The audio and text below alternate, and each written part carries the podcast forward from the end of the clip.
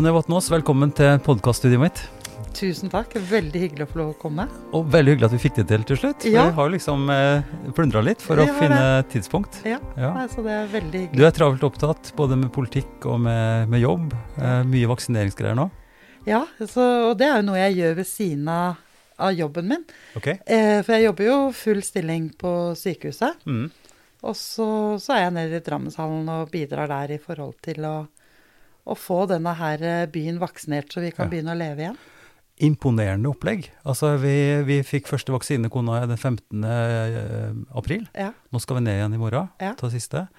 Men for et opplegg! ja det er så fantastisk. Og, og jeg er jo liksom Som aktiv i helsepolitikken, da, så, så hender det jo jeg sparker litt hardt til kommunene og, og helsetjenestene Ja, fordi ja. det er en del som jeg opplever som ikke fungerer. Ja. Eh, men det opplegget de har klart å rigge i stand der nede på så kort varsel, det er så imponerende. Og, og sånn som i går når jeg var på jobb der nede, altså vi vaksinerte 2200 innbyggere. Eh, og det var ikke kø.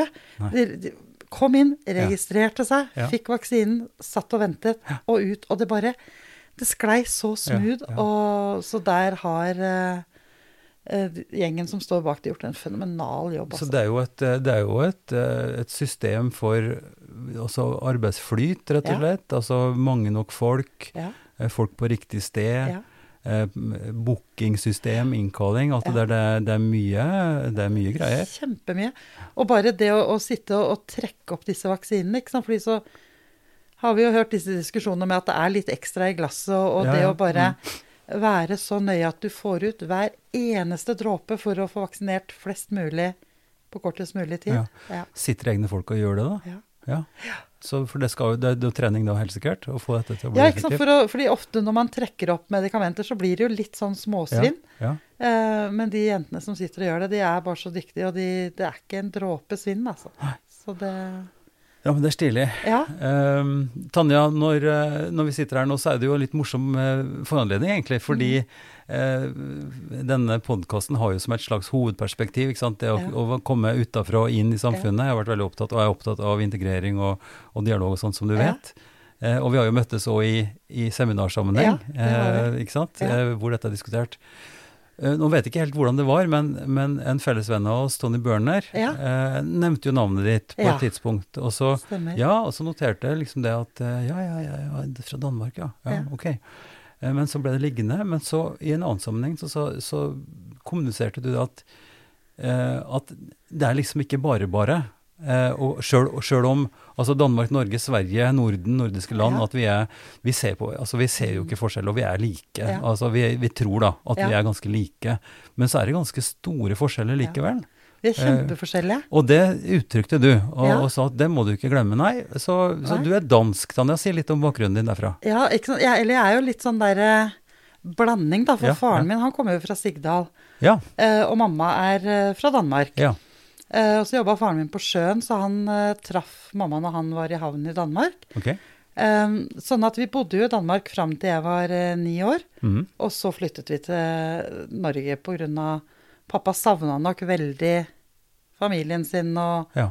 og Men, ni, Ja. men ni år er lenge. Ni år er formativ ja, år. ja, ikke sant? Fordi du får liksom ehm, slått røttene dine, og du får nettverket ditt, og, og du får kulturen innover deg. Og, og det er stor forskjell på kulturen på den danske kulturen og på den norske. Gi, gi, gi et, eh, et overblikk Altså kort og gripende. Kort, noen få steder. Hva er den store forskjellen på dansk og norsk kultur? Kan du si det? Nærheten. Og det betyr? Nei, for, for meg så betyr det det at, det, at i Danmark så føler jeg at, at det er mye mer nærhet mellom mennesker. Eh, At eh, det er et mye større fellesskap. Um, man møtes mye mer, man er mye mer uh, sammen. Uh, høytider, sånn som når vi feira jul i Danmark, så var jo Vi kunne jo være 30 mennesker, ikke sant, og, og ha um, ja, ikke, hele familien. Eh, og her oppe så, så verner man liksom om sin lille kohort, da. Ja. Ikke sant? At, eh, så, så det savna jeg veldig. Og eh, all den gleden liksom med med selskapeligheter og, Mhm. og jeg pleier liksom å si det at et norsk bryllup det fremstår som en dansk begravelse. Og, og, og det tror jeg er ganske sånn treffende for dere, da.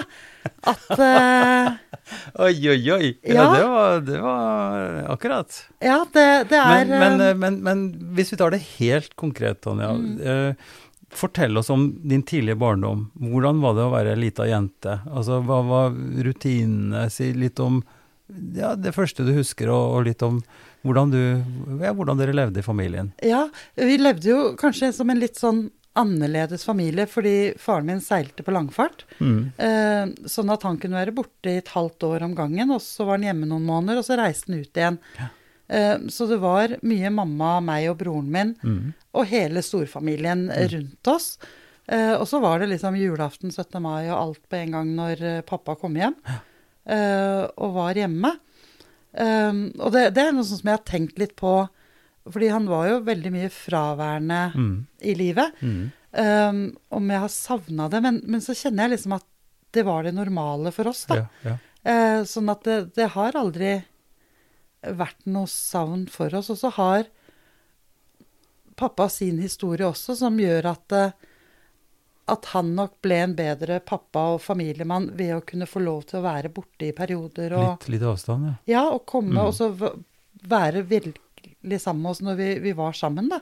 Beskriv, beskriv stedet. Beskriv hvor du vokste Du opp, sånn at vi kan se det for oss. Det er en- Liten perle som heter Kalundborg. Mm. eh, som ligger helt ute ved havgapet. Eh, veldig sånn værhardt. Og så har vi altså Plasser det, plasser det i Danmark, for den som ikke eh, vet. Nordvestsjælland, altså Ja. mm ti mil nordvest for København. Ja. Eh, helt ut på tuppen der. Eh, har en eh, kjempeflott eh, Og det er jo en veldig liten by. Mm. Det, det var Tidligere så var det stort sett rekreasjonssted for tuberkulosepasienter. Mm -hmm. um, og så er det jo Sigrid Undsets fødeby. Det er det. Ja, um, så, og det bærer jo fortsatt eh, stedet preg av. Man har Sigrid Undset hjemme, og veldig mange ting som er oppkalt etter henne. Uh, og så har man denne fantastiske kirken som, som er kjempestor til å være på et så lite sted, da. Mhm. Ja. Og, Hva, Og hva, den lev, hva, hva levde folka der? Vet hva? lever? Levde? Ja, hva lever? Det er det er var forskjell forskjell på levde og lever, tenker ja, jeg. ikke sant. Det var uh, veldig mye uh, primærnæring. Mm. Uh, og så hadde vi jo det kjempestort kraftverk som, som var hjørnestenen. Og så ble det jo drevet veldig mange store For disse tuberkulosesentrene ble jo gjort om, og, og, og så var det det som de kalte for åndssvakomsorgen, da, som Ja, overtok Ja, dem. ja. -hmm. Um, så det var eh, skole for psykisk utviklingshemma, døvblinde um, Mye sånne offentlige institusjoner, da. Mm. Mm.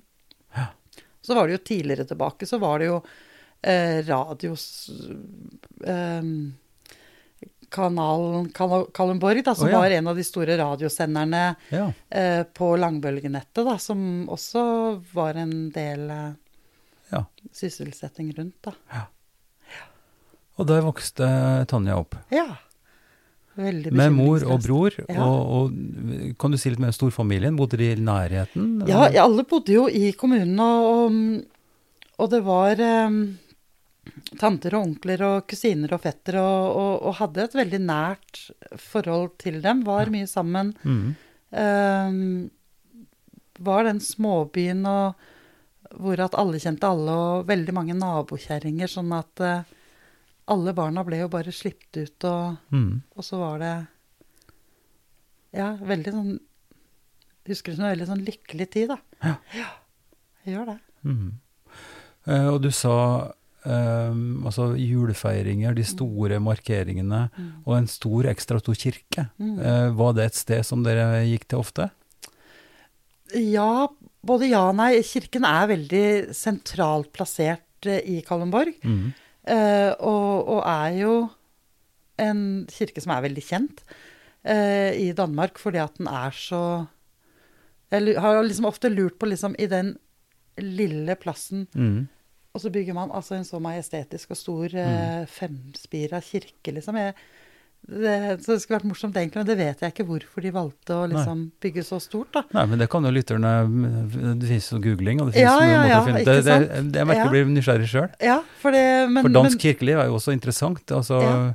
eh, nokså forskjellig ja, tradisjon, egentlig. ja, Sjøl om eh, altså det er mange likheter også av Mm. vi si, den, den lavkirkelige, den bedehus, litt strenge kristendommen, som også nok var, vil jeg tro, eh, Mm. var til stede i, i kystområdene og sånt noe, mens, eh, mens grundtvigianismen Mm. og liksom eh, preste... Altså tradisjonene rundt det kanskje Ja. var litt, ja, litt annerledes, da. Men så er det jo også danskene feirer jo alle disse kristne høytidene eh, på en mye større måte enn det vi gjør her. Eh, jeg og moren min snakket om det her om dagen, at pinsen er jo en av de store høytidene i Danmark. Mhm. Eh, påsken er kjempestor, ikke sant. Og da, og da er det ikke snakk om det at vi skal på fjellet og gå på ski og Nei. spise appelsiner. Eh, da er det mye med, med historien bak påsken, ut og trille påskeegg. Igjen liksom hele storfamilien samles og møtes ute og, og Ja. har eh, Ja, men det, det er interessant. Det er interessant fordi det er jo merkelig med, med forholdet mellom nordmenn og kirke. Og jeg tror Mm. kanskje ikke vi er så Vi er nok ikke så ulike. Altså, Nei. det skjer, det, det skjer jo en Og jeg tror det, det er liksom en type romantisering å tenke at folk var så veldig mye mer knytta til kirka før. mm, Eh, en ting var jo at det skjedde ikke så veldig mye, det var ikke så store mange muligheter ellers. Og kirka og presten og, og, og, og forkynnelsen og sånn, det var Mm. stedet hvor man møtes. Hvis Ja. vi tenker tilbake, så var det et sosialt møtested. Ja. eh, og som ikke nødvendigvis bare var generert av interesse for det Mm. åndelige eller for, for kristendommen, sånn Nei. sett, men en tradisjonsbærer, da. mm, og og det, det gjelder nok for, eh, for Norge også. Altså, jula er jo kjempestor i Norge. mm. Ikke sant? Og, Ja. og folk går til, om, de går til kirke, så er det ofte på julaften. Så er det den ene dagen Ja, i året, ja. ikke sant. Og ellers er det de, de familiære tingene med dåp og, og konfirmasjon og, og vielser og begravelser som i hvert fall i Norge fremdeles er ganske, ganske stort. Og sånn er det vel i Danmark også, men det jeg fornemmer når du snakker nå at, at det likevel er en slags større tradisjonstilknytning. Mm. Eh, når du beskriver altså samholdet i familien din og sånn, hva, eh, du var inne på litt der, men hva, hva var det typiske for de store høytidene? Hva gjorde dere i påsken når dere ikke gikk på ski og spiste appelsiner? Nei, vi møttes jo ute, ikke sant. Og så var det veldig dette med å, å trille påskeegg at eh, Hva er det for noe? det, Nei, det er egentlig bare en sånn aktivitet at man De få bakkene som er i Danmark, da brukes eh, og, og så, så er det om å gjøre å få et egg til å trille lengst mulig ned. Jeg har aldri hørt om I, sånn, ja. nei, nei, det er veldig hyggelig. Og så etterpå så var det da eh, jakt etter påskeegg som var gjemt rundt under Mhm. trær. Og, Mhm. og, og, og så var det jo selvfølgelig masse god mat og smørbrød som alle hadde med seg, og så øl til far og Ja. Ja, den ehm, så, så det var veldig hyggelig. Og det, og det savna jeg veldig når vi flytta hit, det der med at eh, Vi hadde jo pappas familie her, mm. eh, men eh, men jeg tror de hadde svimt av hvis vi hadde foreslått liksom, at vi skulle leie et lokale og feire jul sammen. Eh, det, eller påske eller pinse, for Ja. den saks skyld. Det, det tror jeg ikke jeg hadde fått dem med på, fordi det Vi besøkte hverandre og sånt også, men det, det var liksom ikke den ehm, Og det ble veldig sånn tydelig da jeg ble konfirmert, da. Uh, fordi det For det skjedde jo i Norge. ja, det skjedde i Norge, og det Mm. ble en dansk konfirmasjon i, i Norge. Og, og vi var 150 gjester. Eh, og det var altså Det må sies å være en stor konfirmasjon i et norske Ja. forhold. Ja, og det, og det Egentlig kanskje bare en sånn middelmådig dansk konfirmasjon, da. Ja. Men det var jo kjempegøy, og det var em, fra fjern og nær, liksom, og familie fra Danmark, familie fra Norge, venner av familien, bekjente av familien. Um, fantastisk hyggelig, altså. Og du som konfirmant, da, hvordan opplevde du det? Altså, Blir du da virkelig sånn festens dronning og midtpunkt, eller, eller hva er det for noe? Overhodet ikke. Eh, det, det var jo fryktelig mye sanger og sånt. eh, Ja. eh, Danskene er ikke så glad i tale, vi, det er Nei. mer eh, sang, da, så masse kjempemorsomme sanger. Som ble Eh, skrevet, eller som var Ja, tradisjon? som var liksom skrevet Ja. Uh, Mange av dem er jo sånne klassiske selskapssanger som bare blir tilpasset og, ja, ja. og, og sånne ting. Uh, og, så, og så var det masse stemning og god mat og, ja, ja. og musikk og Mm. ordentlig mm. Og gaver? For din del? Ja, men, men ikke noe sånn voldsomt egentlig, altså. Nei, ikke Og noe det- sånt som vi har her. For nå Nei. har jo inntrykk av at det også bare eskalerer mer og mer. Ja, at det er og det, det er jo helt eh, forferdelig. Ja, det, det virker litt slitsomt på Ja. en måte. For det er klart, det, er jo, det er morsomt for den som, den som Mm. får de pengene og sånt noe, men, Ja. det, men det blir en veldig sentral del, kan det se ut som, da. Ja. Nei, så feira vi over to dager, da, fordi på den tiden så var mamma og pappa eh, jobba som vaktmester i Strømsø menighetshus. Jaha. Og da, de også, da var det jo eldresenter mm. ved siden av som, ja. som de hadde en del ansvar for med alarmer og, og litt av hvert sånt. Eh, så dagen etter da, så, så inviterte mamma og pappa alle de som bodde i eldresenteret. da. Og så hadde vi en konfirmasjonsfest til med, med dem, og det var også kjempegøy, da. Eh, for der var jeg liksom vant til å fly inn og ut. Da. Så det- Fantastisk Ja, eh, det og morsomt. Altså, Ja, det er så koselig. Og det er jo det jeg savner liksom litt her i Norge, det derre med å, å samle masse folk rundt seg og Mm. Ja. Men, men eh, danske hjem er jo ikke noe større enn norske, slik at da brukte man forsamlingshus. Ja, og, og det var det jo fordi Og det har man jo noen steder eh, her oppe også, men i Danmark så er det jo et must når du bygger et borettslag eller en blokk eller et eller annet, sånn, så må det være en gildesal, ikke sant. Ja. Um, så det var jo de som ble brukt uh, ethvert bord eh, Bare i den lille kommunen uh, Kalundborg, så, så var det kanskje en 20-25 gildesaler rundt omkring som man da kunne leie for en rimelig penge, og så var det kjøkken og, og festsal og Ja. mm. Så det Nei, fordi eh, Nå er jeg ikke veldig godt kjent med, med det opplegget i Norge, men det er jo sånne såkalte ungdomshus. mm. Altså at, at forskjellige typer organisasjoner hadde Ja. forsamlingshus. Ja. Og så har du den kristelige delen, etter Haugevekkelsen og sånn, med alle Ja. bedehusene.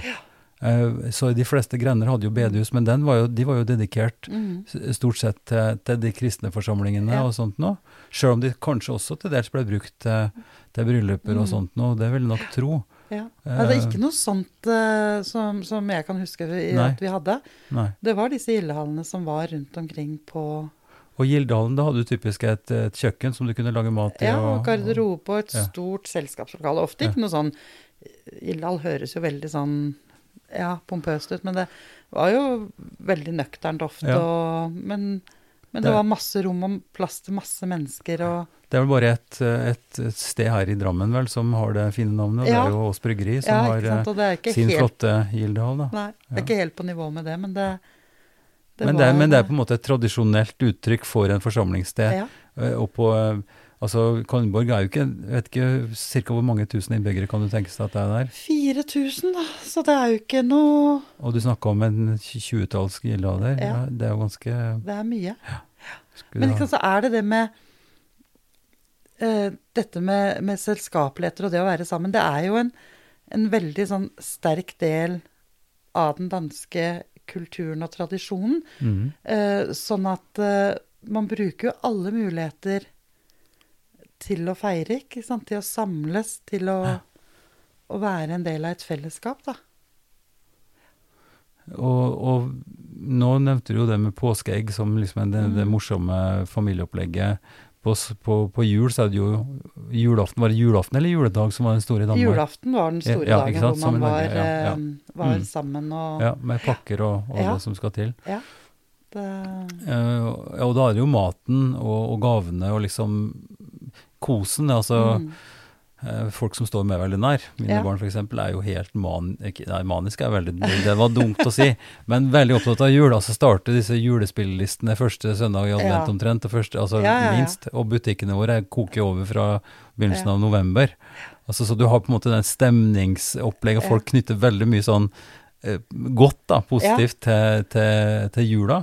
Så klart med lys utafor husene og alt mulig sånt nå, som skaper masse masse trivsel og sånt noe. Eh, mens påska, som du sa, den er jo mer sånn utfartsopplegg, og Mm. for ikke snakke om pinse, ja.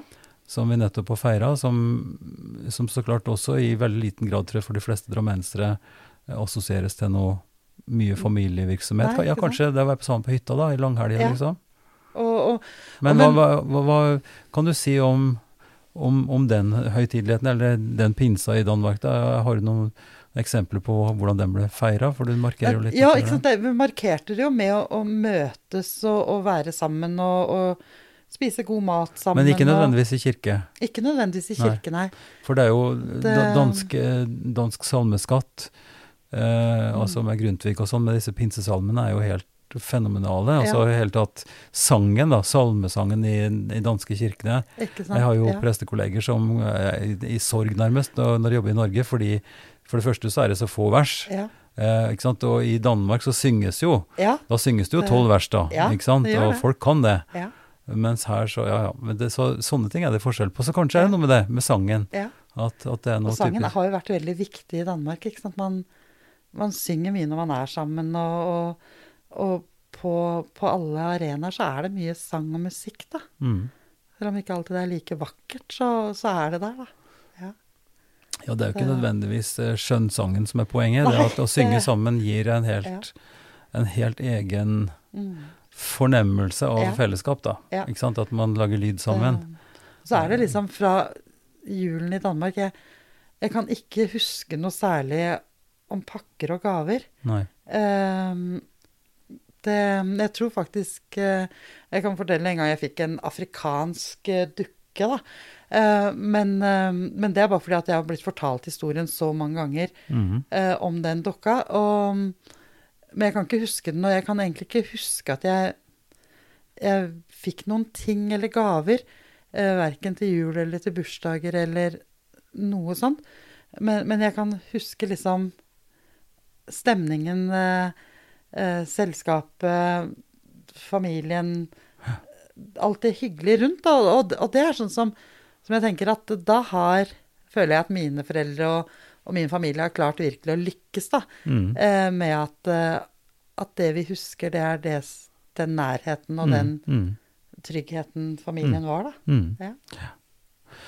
Eh, Så sa du, Tanja, at da du var ni år gammel, så Mm. flytta dere fordi blant annet du nevnte at faren din hadde behov for å komme nærmere sine, og at det Mm. var noe rundt det. Men da var det jo et oppbrudd for din Ja. del. Oppbrudd fra Kalundborg, Mm. fra venner sikkert. Eh, husker du noe, hva slags fritidsaktiviteter? Var det ting du drev med sånn utenom familien og med venner og sånn? vi hadde ikke noen fritidsaktiviteter. Nei? Eh, Det var eh, det, Vi var bare Det var frileik det, det gikk i. Og jeg husker jo det Og jeg kjenner jeg kan få litt sånn sug i magen ennå når vi, vi flytta, fordi eh, det skjedde veldig fort. Mhm. Uh, og plutselig hadde vi kjøpt leilighet i Norge, og, og den hadde jo Ingen hadde sett den, men uh, uh, den ble nå i hvert fall kjøpt usett, og, og, og flyttelasset ble pakka. Og, um, og jeg husker veldig det der bruddet med venninnene mine. De hadde samla veldig sånn det teatralsk og dramatisk. Ja. Fordi de hadde liksom samla seg opp, og, den store flyttebilen som sto der, og, og alt som eh, Alt var liksom klappet og klart for at mm Mhm. nå skulle vi dra, og, og masse tårer og, og, og liksom Ja, også når vi da står der og er klare. Jeg og moren min og broren min vi skulle ta nattoget, og pappa skulle kjøre med flyttebilen sammen med flyttebyrået. da. Mm.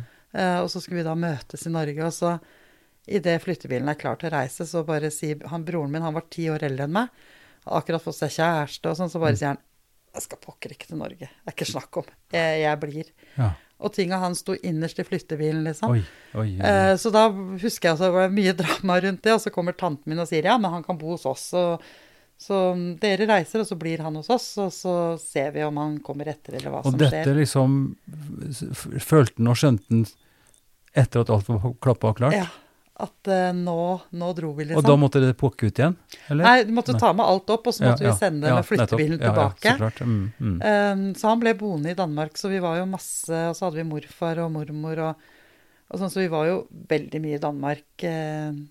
Men du kom, du kom altså med flytte, eller med toget sammen med moren din Mhm. opp til Og hvor, hvor lå den leiligheten hen? Den lå på, i Nøymannsgaten nede på Strømsø. Ja, så dere Mhm. kom hit til Drammen. Ja. Mhm. Så um, Og da må du fortelle litt, eh, for dette er jo også et, et sted hvor vi snakker om det å kunne å komme til et nytt sted, bli tatt imot, Mm. oppleve disse forskjellene som du har snakka mye om. mm, Eh, og, og det ligger jo noe implisitt litt i det du sier, at du savner da hele storfamilien, Mm. alt det, altså høytidene, fellesskapet i den store ja. rommet. Så kom du og mor aleine til en leilighet Mm. eh, sammen med far da, etter hvert Ja. også. Hvordan var det? Det var rart. Det var kjemperart. Um, fordi For det første så var det en kjempeliten leilighet, syns jeg. For vi var jo vant til å bo i en veldig, veldig stor leilighet i Danmark. Mm.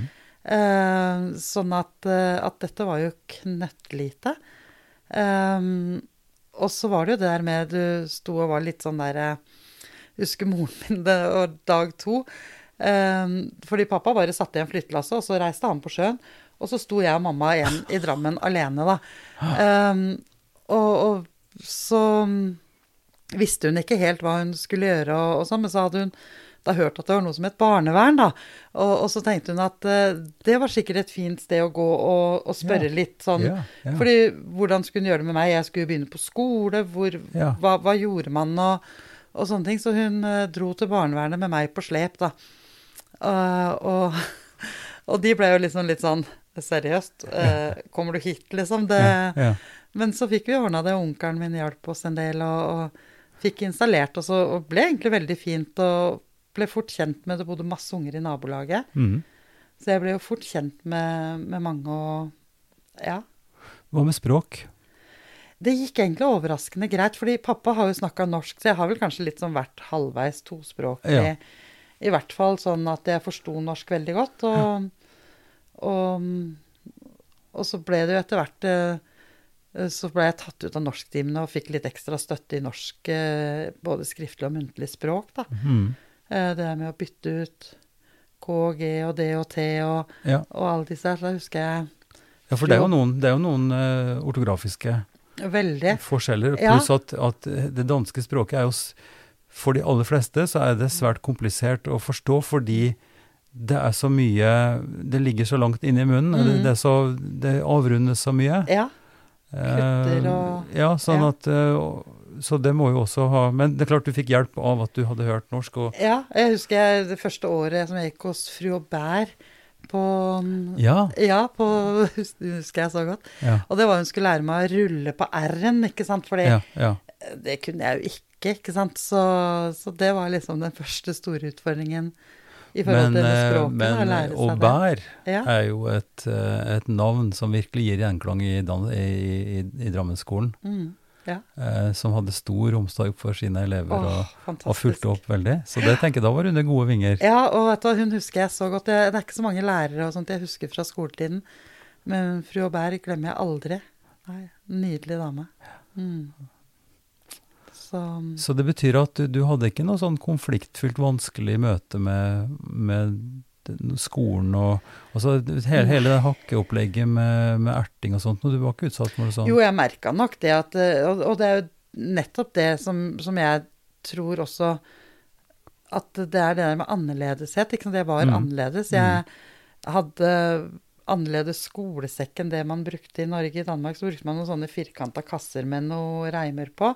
Ja. Og i Norge så var det liksom disse bergansekkene og, Ja. og, og sånt. Så, så jeg hadde rar ransel. Jeg hadde også hadde jeg rare matpakker i forhold til Du fikk ordentlig smørbrød, sikkert? Ja, jeg gjorde jo det, ikke sant. Med, og gjerne ofte med kokt egg, ikke sant. Som, er- som er kjempemye brukt på matpakka i Danmark. Og, Ja. og det kunne jo Egg lukter jo litt sånn i matpakke, da. ja. Um, så, det, det var, så, så det var mange ting jeg var veldig annerledes på, da. Mm. Um, og, og det følte jeg nok mye på um, Og prøvde å kompensere litt på at, eh, at, jeg var, at det var en del ting som var annerledes. Og ja. Hvordan kompensere, tenker du? Nei, jeg prøvde nok å være litt sånn tøffere i trynet enn det jeg var, da. Ja. Mm. Um, bruke mye humor i det, le det bort litt. litt Uh, men eh, sånn når jeg ser tilbake på det, så syns jeg jo det var fryktelig krevende. Eh, og så var det mye mer sånn klikkdannelser, fordi i Danmark så var vi liksom Alle var sammen, og, og det, det var helt sikkert mobbing der også, utestenging og, og sånne ting. Eh, men jeg opplevde liksom at når vi At på skolen i Norge så var det mye mer sånne små grupper som var veldig klikker, da. Okay. Eh, og som kunne være sånn Og jeg har nok vært en sånn type som kunne like å og liksom farte litt mellom alle gruppene, Mm. og ikke binde meg opp i noen grupper. Mm. Eh, og det var det nok ikke helt rom for, da. Så da ble jeg nok litt sånn at jeg, at jeg falt litt utenfor, Mm. ja. Uten at jeg opplevde det som noe sånn For det, det, er vel, det er vel sånn også, i, sikkert i den sammenheng du opplevde, at du har lederskikkelser i klassen som har Mm. sine små hoff eller Ja. sine folk rundt seg, Ja, eh, og at du da blir et usikkert kort hvis ikke du velger hvor du er hen. ikke sant? Mm. Det, og så valgte jeg veldig mye annerledes i forhold til de andre. Mm. Um, I forhold til hva jeg drev med på fritiden. ikke sant? Det var uh, veldig mye håndballjenter i, i klassen, og, Ja. og, og det var noe som egentlig ikke interesserte meg. sånn at uh, det jeg syntes var veldig gøy å, å synge i kor, da. Mm. Um, så, så jeg var uh, i Misjonskirken uh, og var med og sang i kor der. Og så var jeg veldig aktiv i Røde Kors. Og, mm. og det var liksom sånne litt sære interesser, kanskje, som, som ikke alle andre Hvor, hvor gammel var du omtrent da når du starta i Røde Kors? I Røde Kors starta jeg med egentlig ganske raskt etter at vi flytta til Norge. Ja. Uh, og så begynte jeg vel sånn i 12-13-årsalderen uh, med å, å synge i kor. Mm. Ja. Og, Men begge deler er jo altså Jeg har òg stor glede av, av sang og vet hva det betyr å stå i et kor. Mm, ja. Hvor uh, fantastisk det er å kunne liksom At stemma går opp i en større enhet. At summen av alle stemmene blir større enn den enkelte, liksom. Det er ja altså, sånn- jeg har nok ikke noe sånn uttalt uh, god sangstemme. Altså det Tvert imot, tror jeg. Men, men, men det var veldig mye sånn glede og, og det fellesskapet Ja. og, og at sammen så ble vi egentlig veldig gode, da. mm. Ja. Ja. Mm. Og Røde Kors-karrieren din, den har også vart en del år. Ja, jeg var med i Røde Kors til jeg var eh, 20. Mm. Mm. Og, og var kjempeaktiv, og det, det var eh, utrolig viktig for meg, egentlig, og særlig den Og det er nok litt sånn Det som er viktig for meg sånn Det er det med å kunne ta litt vare på andre, være litt opptatt av de Mm. som kanskje faller litt utenfor. Eh, Røde Kors er et ganske stort system. Hva var det spesielt du var opptatt av inne i, i, som frivillig der? Vet, jeg var med i Ungdommens Røde Kors, som, som jo er, var en veldig veldig stor og sterk ungdom, ungdomsorganisasjon på den tiden. Mm. Um, og der var det jo et sånn, mer en sånn læringsarena, da, ikke sant? Å lære om uh, spillereglene ved krig, menneskerettigheter, Mm. Ehm, og veldig mye med internasjonalt arbeid. Ja, Mm. Uh, funksjonshemma vi, lærte vi mye om, og alle disse herre Jeg føler liksom at det kanskje har vært med på å forme meg veldig på den interessen som jeg har i forhold til de som sklir litt ut, da. Mm. Detter litt utenfor, Mm. eller som Mm. sliter litt mer enn andre, da. Var det noen sammenheng mellom engasjementet ditt i Røde Kors og yrkesveien din? For du, du, når du begynte å, å lese et, etter videre, eller Nei, det, jeg tror egentlig ikke det. det jeg, jeg tror det var um, Og det blir liksom så teit å si det, da, men jeg, jeg, skulle ønske at man kom mer tilbake til det med litt sånn kallet.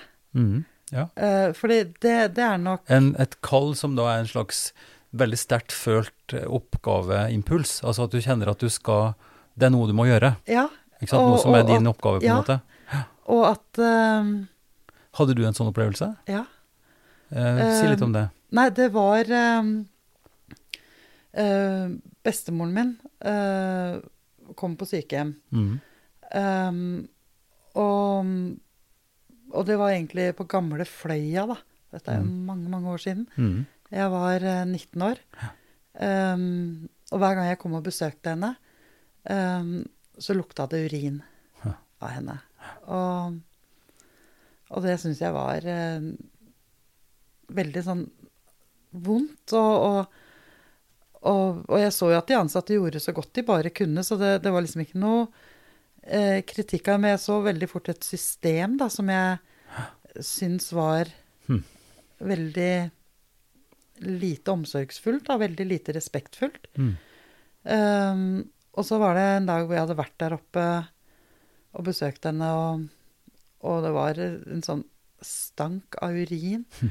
Eh, Blanda med lapskaus, liksom, som slo imot meg når jeg åpna døra. Um, og når jeg var ferdig, så gikk jeg rett ned da, til hun som var institusjonsleder, Mm. eh, og spurte om jeg kunne få jobb. Mm. Eh, og hun bare Ja, jøss, vi trenger folk, liksom. Når kan du begynne?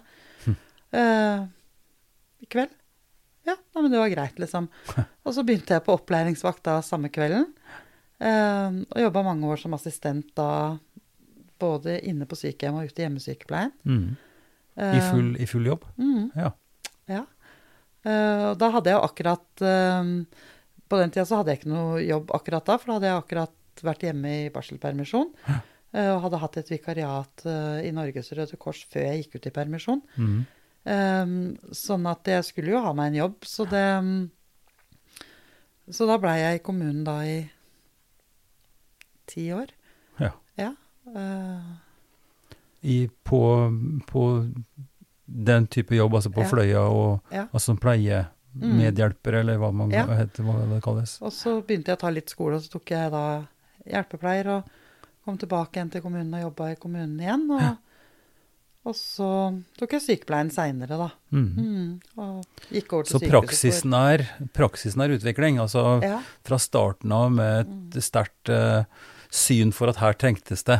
ja, og endres, Eh, i- ikke sant. Ja, ja. Mm. Um, og redselen også for å, å bli en del av det systemet selv, ikke sant. For det ser man jo ofte, det at eh, veldig mange som kommer inn i helse, kommer inn med en sånn veldig entusiasme og bare sånn Her er det så mye rart, dette skal jeg gjøre noe med. Mm. Og så blir man en del av systemet relativt raskt. Uh, Hva slags dynamikk er det, tror du? Hvis du skal tenke hva, det, det er jo ikke noe ukjent, sånn vil det være i mange systemer, ikke Ja, sant? men, Hvem er, hvem er du som skal liksom eh, Hvem er du som skal ja. tro at du skal gjøre noe her? Ja. Altså, ja. Så det er Men både det er litt rart at det skjer innen helse, syns jeg, da. I, fordi at det, det, er, eh, det er mennesker vi jobber med. mm. Uh, og, og det er en sånn derre veldig kultur for at, eh, at man bare gjør som alle andre gjør, og ikke sier noe, og ikke snakker om ting og hva, hva er det for noe, Tanja? Altså, hva slags, hva slags følelse er det? Er man redd for å Igjen, da, å, komme i opposisjon. Ja. så litt, du, er, du er blir en del Ja, vi snakker om varslere. Dette er noe Ja. annet, for dette er ikke varsling. Nei. Dette er på en måte å stå opp for det du Mm. mener er riktig, og, og kanskje må slåss litt. For det er jo både da snakk om, om medarbeidere, altså Mm. kolleger, og vi vet jo at det er forskjell på folk. Ja. Noen tar kanskje litt eh, kjappe Løsninger og løsninger og sånn, og gjør det lettvint, mens Mm. andre jobber jo virkelig eh, Ja. dag og natt for å Ikke gjøre sant? Og bra det, jobb. der er det jo forskjell på mennesker. Men systemet, ja. kan, men systemet kan også være vanskelig da. Ja, og, og det er jo det jeg ofte føler at, eh, at er vanskelig. Det er det systemet som, som på en måte ikke tar inn over seg det som ikke fungerer. Ehm, og det har det jo vært litt sånn Veldig mye sånn fryktkultur i helse. ikke sant? Man skal være lojal, man skal ikke si noe, man skal ikke Man, man skal liksom følge flokken, og, og med en gang du prøver å, å gå imot og, og stå opp for å si at dette er ikke greit, sånn kan ikke ting være, så, så blir man ganske fort skvisa ut, og, og, så, så forsvinner man litt. Um, Hvis du skal prøve å Det finnes jo ikke noen universell forklaring på det, for det er sikkert mange funksjoner på det. Men er det, fordi, er det økonomien som presser? Er det fordi at det er dårlig ledelse? Er det fordi at al- Altså, system er jo så mye. ja, rammeverk, ikke sant? Hvor, hvor mye ressurser du kan få eh, til å drive, hvordan det organiseres. Altså, vi snakker mye om deltid i forhold til heltid. Mm. Altså, eh, hele det der, det er jo en svær maskin. ja. Og jeg tror det er mange grunner til at det blir sånn. Eh, noe av grunnen, det tror jeg handler om ledelse. Mm. Um, at vi kanskje i helsevesenet har vi ikke tatt nok inn over oss ledelse som fag. Um, det har liksom bare vært at, at en sykepleier, når man har jobba et visst antall år, så har man liksom rykka opp som avdelingssykepleier, og, Mhm. og senere som institusjonsleder, og, og, og så har man bare rykka opp i hierarkiet. eh, uten at man egentlig kanskje har den grunnkompetansen Mm. som man hadde trengt da, for å, å kunne lede store og komplekse organisasjoner som det faktisk er. Mm. Eh, og så er det jo hele tiden også det økonomiske. At det, det sitter noen over som pusher ned dette med rammer, og, Mm. Ja. og det skal spares. Og jeg tror kombinasjonen av det kan bli veldig uheldig, da. Mm. Men du har gått gradene, Tanja, Mm. fra, fra den der på en måte kallet du fikk, og så at her Mm. trengte bestemoren din eh, noe mer, Mm. åpenbart, eh, enn det hun fikk, og du starta på den måten, Mm. tok hjelpepleie og så sykepleie. Mm. Eh, eh, med den erfaringa, hva vil du si er forskjellen på de tre forskjellige nivåene av, av innsats, hvis vi skal tenke nå det rammeverket rundt ledelse og innsats og arbeidsmengde osv. Det er et stort spørsmål, men, Ja. men du, har jo, du, du har jo erfart hele veien, da. Ja, jeg, jeg tror at eh, det som, som Jeg hadde det egentlig veldig fint som hjelpepleier. Jeg syns at jobben min var kjempefin. eh, var tett på pasientene. Men det jeg følte det hele tiden skorta på, det var at som hjelpepleier så ble du aldri hørt. Eh, Hvis du hadde noen meninger om ting, eller gjorde noen observasjoner, eller, eller noe, så, så var det liksom Som hjelpepleier så var man uh, Hierarki er veldig sterkt i helsevesenet. Mm. Uh, sånn at du, du var på, på det nivået. Og, um, og det var jo derfor jeg bestemte meg for å ta sykepleien. Fordi at, eh, at jeg følte at jeg måtte tilegne meg mer kunnskap som var dokumentert, Mm. eh, for å kunne eh, ha en sterkere mening og, og kunne forankre den faglig, og ikke bare ut ifra mine synspunkter. Mm. Ja. Ja.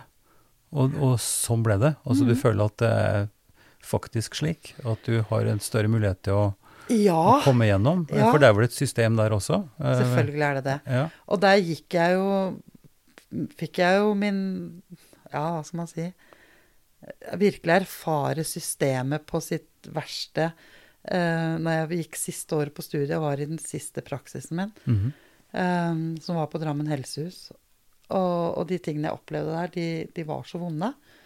Uh, og vi studenter snakket om det, at uh, det, det gikk liksom på livet løs uh, for pasientene. Det, det var kjempedårlig kompetanse. Det var et system som, som var helt forferdelig, altså.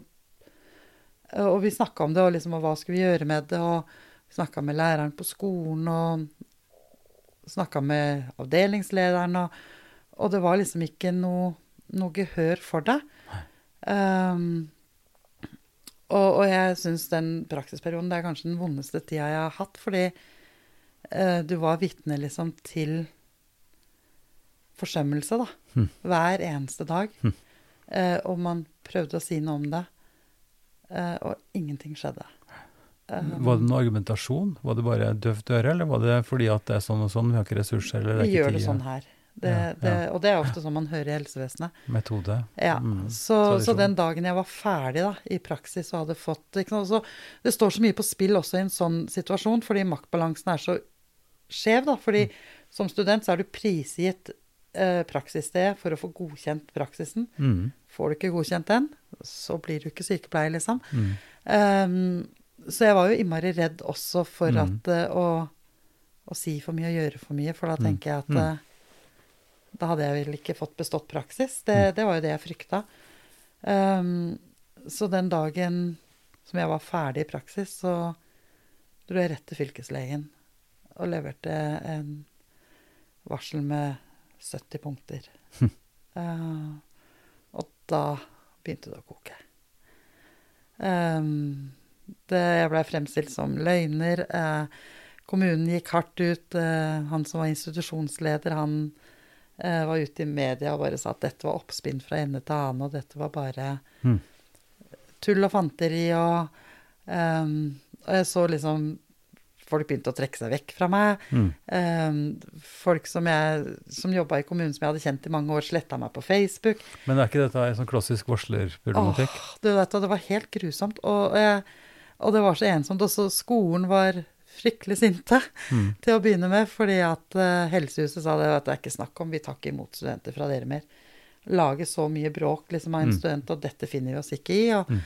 Um, så de var ikke veldig fornøyde med å ha meg som student akkurat da. Um, og, og, det var jo veien min inn i politikken. Jeg skulle til å si det. altså Ja. Dette lukter jo lang vei. altså Ja. Her må det gjøres noe. Her Ja. må det gjøres noe gjennom struktur. Um, så jeg kontakta da Hilde, som var uh, satt i hovedutvalget på helse. Ja. uh, og ga henne et kopi av varselet mitt, og så sa jeg dette står jeg for. Sånn er det. Mm. Um, og, og så ble det jo tatt opp politisk, og så endte det jo opp med da at uh, fylkeslegen oppretta tilsynssak, Mm. og Drammen kommune oppretta en ekstern granskning. Mm. Um, og, og det halvåret det pågikk, det var sånn helt grusomt. Uh, fordi at eh, da, da følte jeg liksom nå står alt på spill for meg. Mm. Fordi eh, Men Tanja, dette, har jo, dette er jo en slags sammenheng i. mm, Fra det første, når du, det du fortalte om bestemora di, mm, og den sterke opplevelsen at dette er ikke greit. Ja. Eh, Og så har du gått gradene. mm, Eh, Du har jobba i, i systemet veldig lenge og sett mye og, og vet mye. Du er Ja. ikke liksom en, en fersk eh, videregående student som Mm. har tatt uh, sykepleierskolen. Mm. Uh, Så ditt, din observasjon hadde jo sånn sett mer vekt. Mm. Så det er jo interessant at den ble så sterkt avvist. Ja, og, og jeg, men jeg hadde jo veldig støtte fra de medstudentene som, som var i praksis sammen med meg. Men det var ingen av dem som turte å stå fram. Det var ingen av dem som turte å være med å skrive under et varsel. Mm. Um, så, så det blei masse støy, og det var masse Og så blei det jo rulla opp en del saker, ikke sant, hvor at pasienter faktisk hadde dødd på helsehuset pga. feilbehandling og, og, og sånt. Og så kom jo disse svarene både fra fylkeslegen og, og fra den eksterne granskningen. Mm. Og det, det, var, eh, det var en sånn gledesdag som jeg husker veldig sterkt. Fordi mm. når jeg da så de rapportene og så at uh, de beskyldningene som hadde kommet mot meg om at dette var oppspinn og løgn og overdrevet og dramatisert og, mm. og sånne ting, de ble på en måte avvist helt blankt. Og, og, og, det førte jo til den store omorganiseringen av helsehuset. Mm. Fordi at uh, de var ikke rigga til å, å stå i det de sto i, da. Nei. Så, så det var liksom inngangen inn i politikken. Så når det var Hilde Hovengen som satt som leder der, så Mm. eh, Altså kom du via partiet, eller, eller kom du via Nei, jeg kom nok først via Hilde, og så eh, ble det inn i, i partiet og jobba, så kom jo Fordi at du opplevde da at Fremskrittspartiet og Hilde og det Mm. miljøet og de som tok det på alvor? Eller, Ja. eller hadde du en slags eh, altså Nå bare spør jeg litt eh, åpent og bramfritt her Ja, om, nei, og det om- var om- nok det. mm, om, om, det, om du var på en måte tilknytta eller hadde Fremskrittspartiet som en slags preferanse i forkant. Kjente Ulf Erik Ja. eh, fra tidligere, og mm, kjente litt til Jon og Lavrans, og, men ikke noe, noe sånn veldig, veldig nært, eller, eller noe sånt. Så det, det var den eh, konkrete episoden som Ja. gjorde at, eh, at jeg meldte meg inn i partiet. fordi så kom jo den lindrende saken etterpå, så, Mm. så kom det liksom flere viktige helsesaker, da. Mm. Um, og, og da Ja, så, så ble det liksom inngangsporten til å engasjere seg. Så du ble en slags sånn helse, helsefaglig talsperson, eller en innafor partiet som fikk den rollen, på en måte? Ja, og det, det må jeg jo si at jeg er veldig ydmyk for at, eh, at partiet har gitt meg så mye tillit Mm. på helsesakene. Mm. eh, at eh, vi, vi diskuterer jo sånn, men jeg får jo oppleve at jeg har full tillit og får nærmest fritt spillerom Mm. når det gjelder helsesakene. Mm. Ehm, og og det, det er jeg kjempetakknemlig for. Altså det, fordi det er en stor jobb å gjøre. Det er masse som skjer. Det er akkurat kommet en rapport nå, som, eh, en studie, som viser det at eh, syv av ti helsearbeidere angir at de har forsømt brukere på sykehjem. Mm. 30% angir at de enten selv eller har vært vitne til fysiske avstraffelser av gamle på sykehjem. Dette er et stort problem, Mm. eh, og det er ubehagelig, og derfor så vil ingen snakke om det, ikke sant? Nei. Det Nei, det er klart det er, det er, klart det er ubehagelig. Ja. Og med, med litt, en litt, liten grad av, eller skal vi si en viss grad av sjølinnsikt sånn, så vet vi at noen ganger så blir du så sliten og oppgitt og er så stressa og har så mye at, Mm. Ja. at uh, det blir for mye. Det gjelder jo både som foreldre, vil jeg tro, og Ja, ja, ja. Sant, at man gjør ting som man er veldig lei seg for i etterkant Ja. og sånt noe. Men det er klart når Altså, vi blir jo eldre og eldre. Eh, altså, samfunnet trenger eh, pleie- og omsorgstjenester i større og større grad, og vi stiller også større krav. Mm. Det er jo en veldig lang vei fra skal vi si det som kaltes da, Du var inne på det med åndssvak omsorg, ikke sant? Ja. Hvor, hvor eh, folk som hadde psykiske utviklingshemninger, var nærmest gjemt bort ja, Ja, ikke sant? Eh, I et, på et rom liksom Mm. på gården, og ingen visste om nærmest. Masse av det. Og det Ikke sant? Så, sånn at du har en, det er en lang historie, og det er ikke noe hyggelig historie. Og, og jeg tenker at den Altså, kvaliteten en har på, på eh, å følge opp de svakeste, Mm. om det da er innenfor helsevesen eller eh, på skole eller hva det er, Mm. eh, sier jo noe om kvaliteten i et samfunn, vil jeg Ja. si. Og, og det er jo der jeg eh, føler litt at vi mislykkes gang på gang. Og, og både innenfor helse, innenfor oppvekst. At vi Det er de svakeste da, som hele tiden betaler prisen. Uansett hva som skjer, så Mm. er de de mest sårbare Mm. Eh, som står og betaler den høyeste prisen. Og det Ja, og det, det syns jeg er kjempevondt. At ikke vi klarer å snu det. At ikke vi Og det klarer å løfte det. det sier vi, Tanja, i et samfunn som vel har en slags verdensrekord i likeverd, tross alt. Ja. Ikke sant? Hvor forskjellene er mindre enn nesten noe gitt Mm. samfunn som du kan legne, eh, regne opp, både i, i Europa og, og USA. Mm. Ikke sant? Det finnes så utrolig Og det er jo også en tendens til at disse forskjellene kanskje da også her ser ut til å øke, Mm. på tross av svimlende budsjetter på, Ja, ja. på helse og omsorg osv. Så videre. sånn at dette er jo en, det er jo en veldig krevende sak å, Mm. Å følge opp. Så jeg har jo stor respekt altså generelt, det har jeg sagt gjentagende Mm. ganger her, og det mener jeg virkelig. Altså stor respekt for, for dere som jobber politisk. Eh, for å få en kommune, for å få et samfunn til å fungere godt. Mm. Men altså i særklasse, det området som vi nå snakker om, Mm.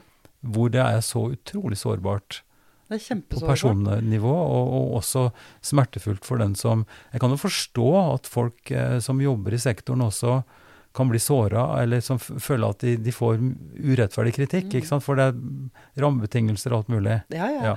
Og, så og så det, det, er, det er jo ikke sånn at Vi kan ikke forvente at alt altså, eh, Misforstå meg rett, men, men det er jo ikke noe det er jo ikke noe menneskerett å være frisk. Nei. Og, og det er ikke, det er ikke Det- gitt altså, at, du, at å være frisk, hva betyr det? Mm. Altså, så, Ja, så vi sliter sant? alle med vårt, og, Ja, ja, og det er alltid liksom og, og det er jo den sektoren som du representerer, og som du jobber i, da, som, eh, og jeg tenker nå også i koronasammenheng, så er det vel også riktig å si at det er de, de svakeste i samfunnet, nesten dette uansett hvilken målestokk Ja. du måler, som, som vil bli sterkest belasta. Ja, ja, ja. Og, og det, det ser vi, og jeg, jeg tenker at det, det vil vi noen ganger Når vi prater om dette med de sårbare og med, med, med de som har det vanskelig, og sånne ting, så lurer jeg noen ganger på eh, Bryr vi oss egentlig? Eh, er det egentlig noen som i det hele tatt virkelig bryr seg om det? Fordi, og, og jeg tror kanskje ikke vi bryr oss så mye. Jeg tror vi gir litt blaffen, fordi vi ser det gang på gang på gang. Eh, hvert år når skolen skal nærme seg start, så er det et kjempefokus på alle disse barna. Så det er 60 000 barn i Norge som hver dag gruer seg til å gå på skole. Og så blir det et kjempefokus på det uka før skolestart. Eh, og så begynner skolen, og så er det ikke noe mer snakk om det. Og, og sånn kan vi gå gjennom hele året. Så nærmer vi oss jul, så er det fokus på de fattige barna. Ikke sant? Da må vi samle inn masse penger og gaver og alt sånt, fordi da skal de, de barna få gaver. De er fattige hele året, og da bryr vi oss egentlig ikke. Eh, og, og sånn er det litt også med, med eldreomsorg, med alt sånt, eh, så i forhold til selvmord, sant, som er et enormt problem i samfunnet vårt, og særlig blant unge menn. Det er skyhøye tall, og vi ser at tallene stiger. Um, og, og så tar Ari Behn selvmord, og familien gjør altså en fenomenal jobb, holdt jeg på å si, i forhold til det med å være åpne og ærlige. eh, fordi det har vært et stort tabu. Og, og så blir det masse fokus i media. Sosiale medier koker over av dette her.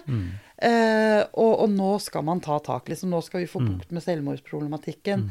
Eh, vi skal ha en nullvisjon. Alt høres så innmari fint ut. Og så går det 14 dager, og så er begravelsen over, og, og, og så er det ikke noe mer snakk om det. Så har vi glemt det også, ikke sant? Altså det, og det, det, har du helt sikkert mye rett i, fordi vi er veldig sånn dagsordendrevne mm. og er veldig opptatt av det som skjer, og ja. som kommer opp i, i presse. Og, mm. og, dessverre så er det også slik at, at pressen ofte har felles fokus. ikke sant? Mm. At det blir eh, mye ens.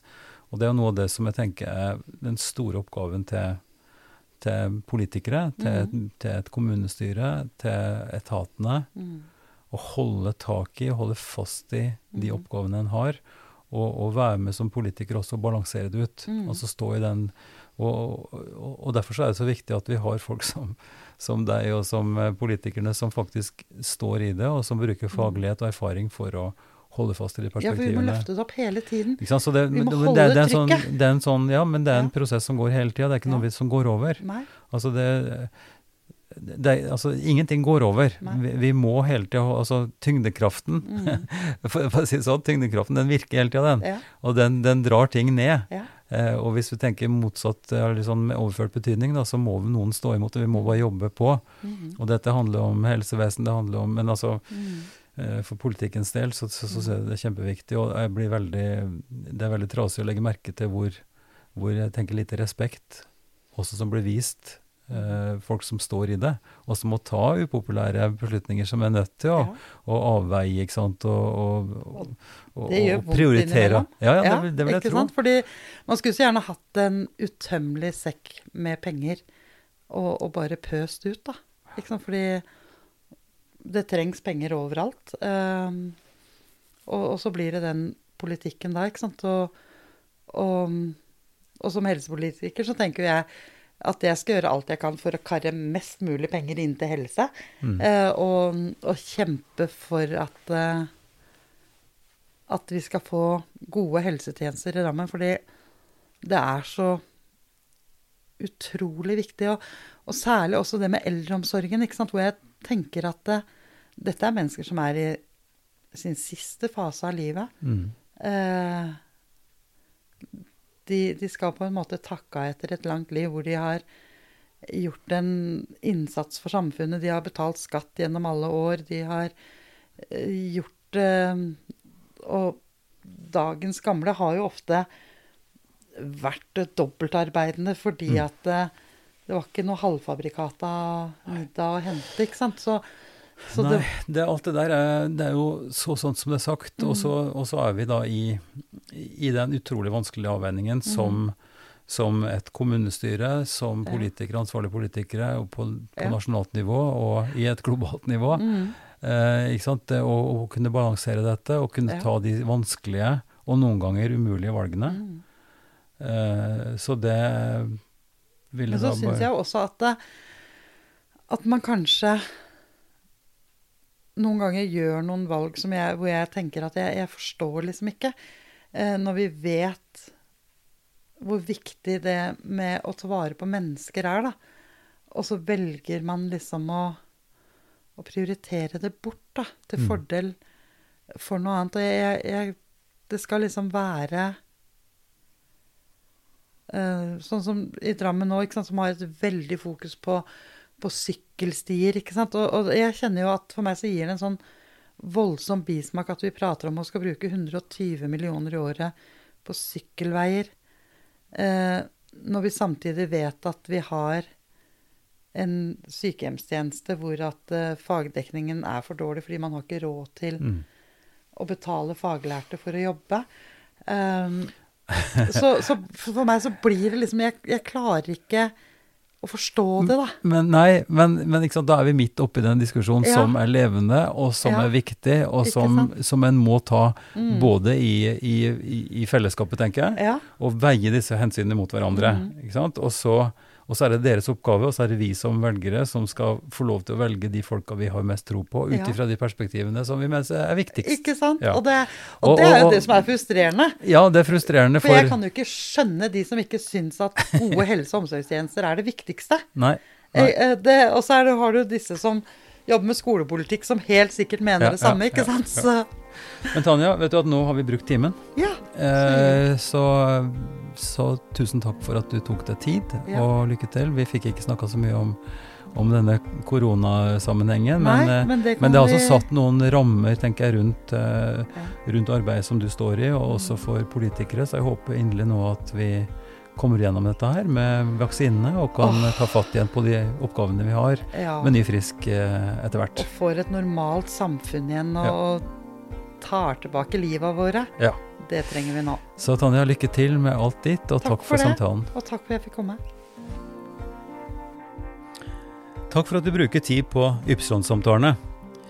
Hvis du liker denne episoden, kanskje du liker også andre som du vil finne mer informasjon om på www.ypsilonsamtaler.no. Der vil du finne en kort presentasjon av alle St. Party-partnere så langt, og lenke til episodene. Du må gjerne abonnere på Ypsilon-samtaler i din favorittpodkast-app. Og så er vi veldig glad for tilbakemelding og forslag som du kan sende til Ivar, krøllalfa, kirkeligdialogsenter.no. Podkasten er støtta av Drammen kommune, Barne- og familiedepartementet og Einar Juels legat. Ansvarlig utgiver er Kirkelig dialogsenter Drammen ved daglig leder Ivar Flaten.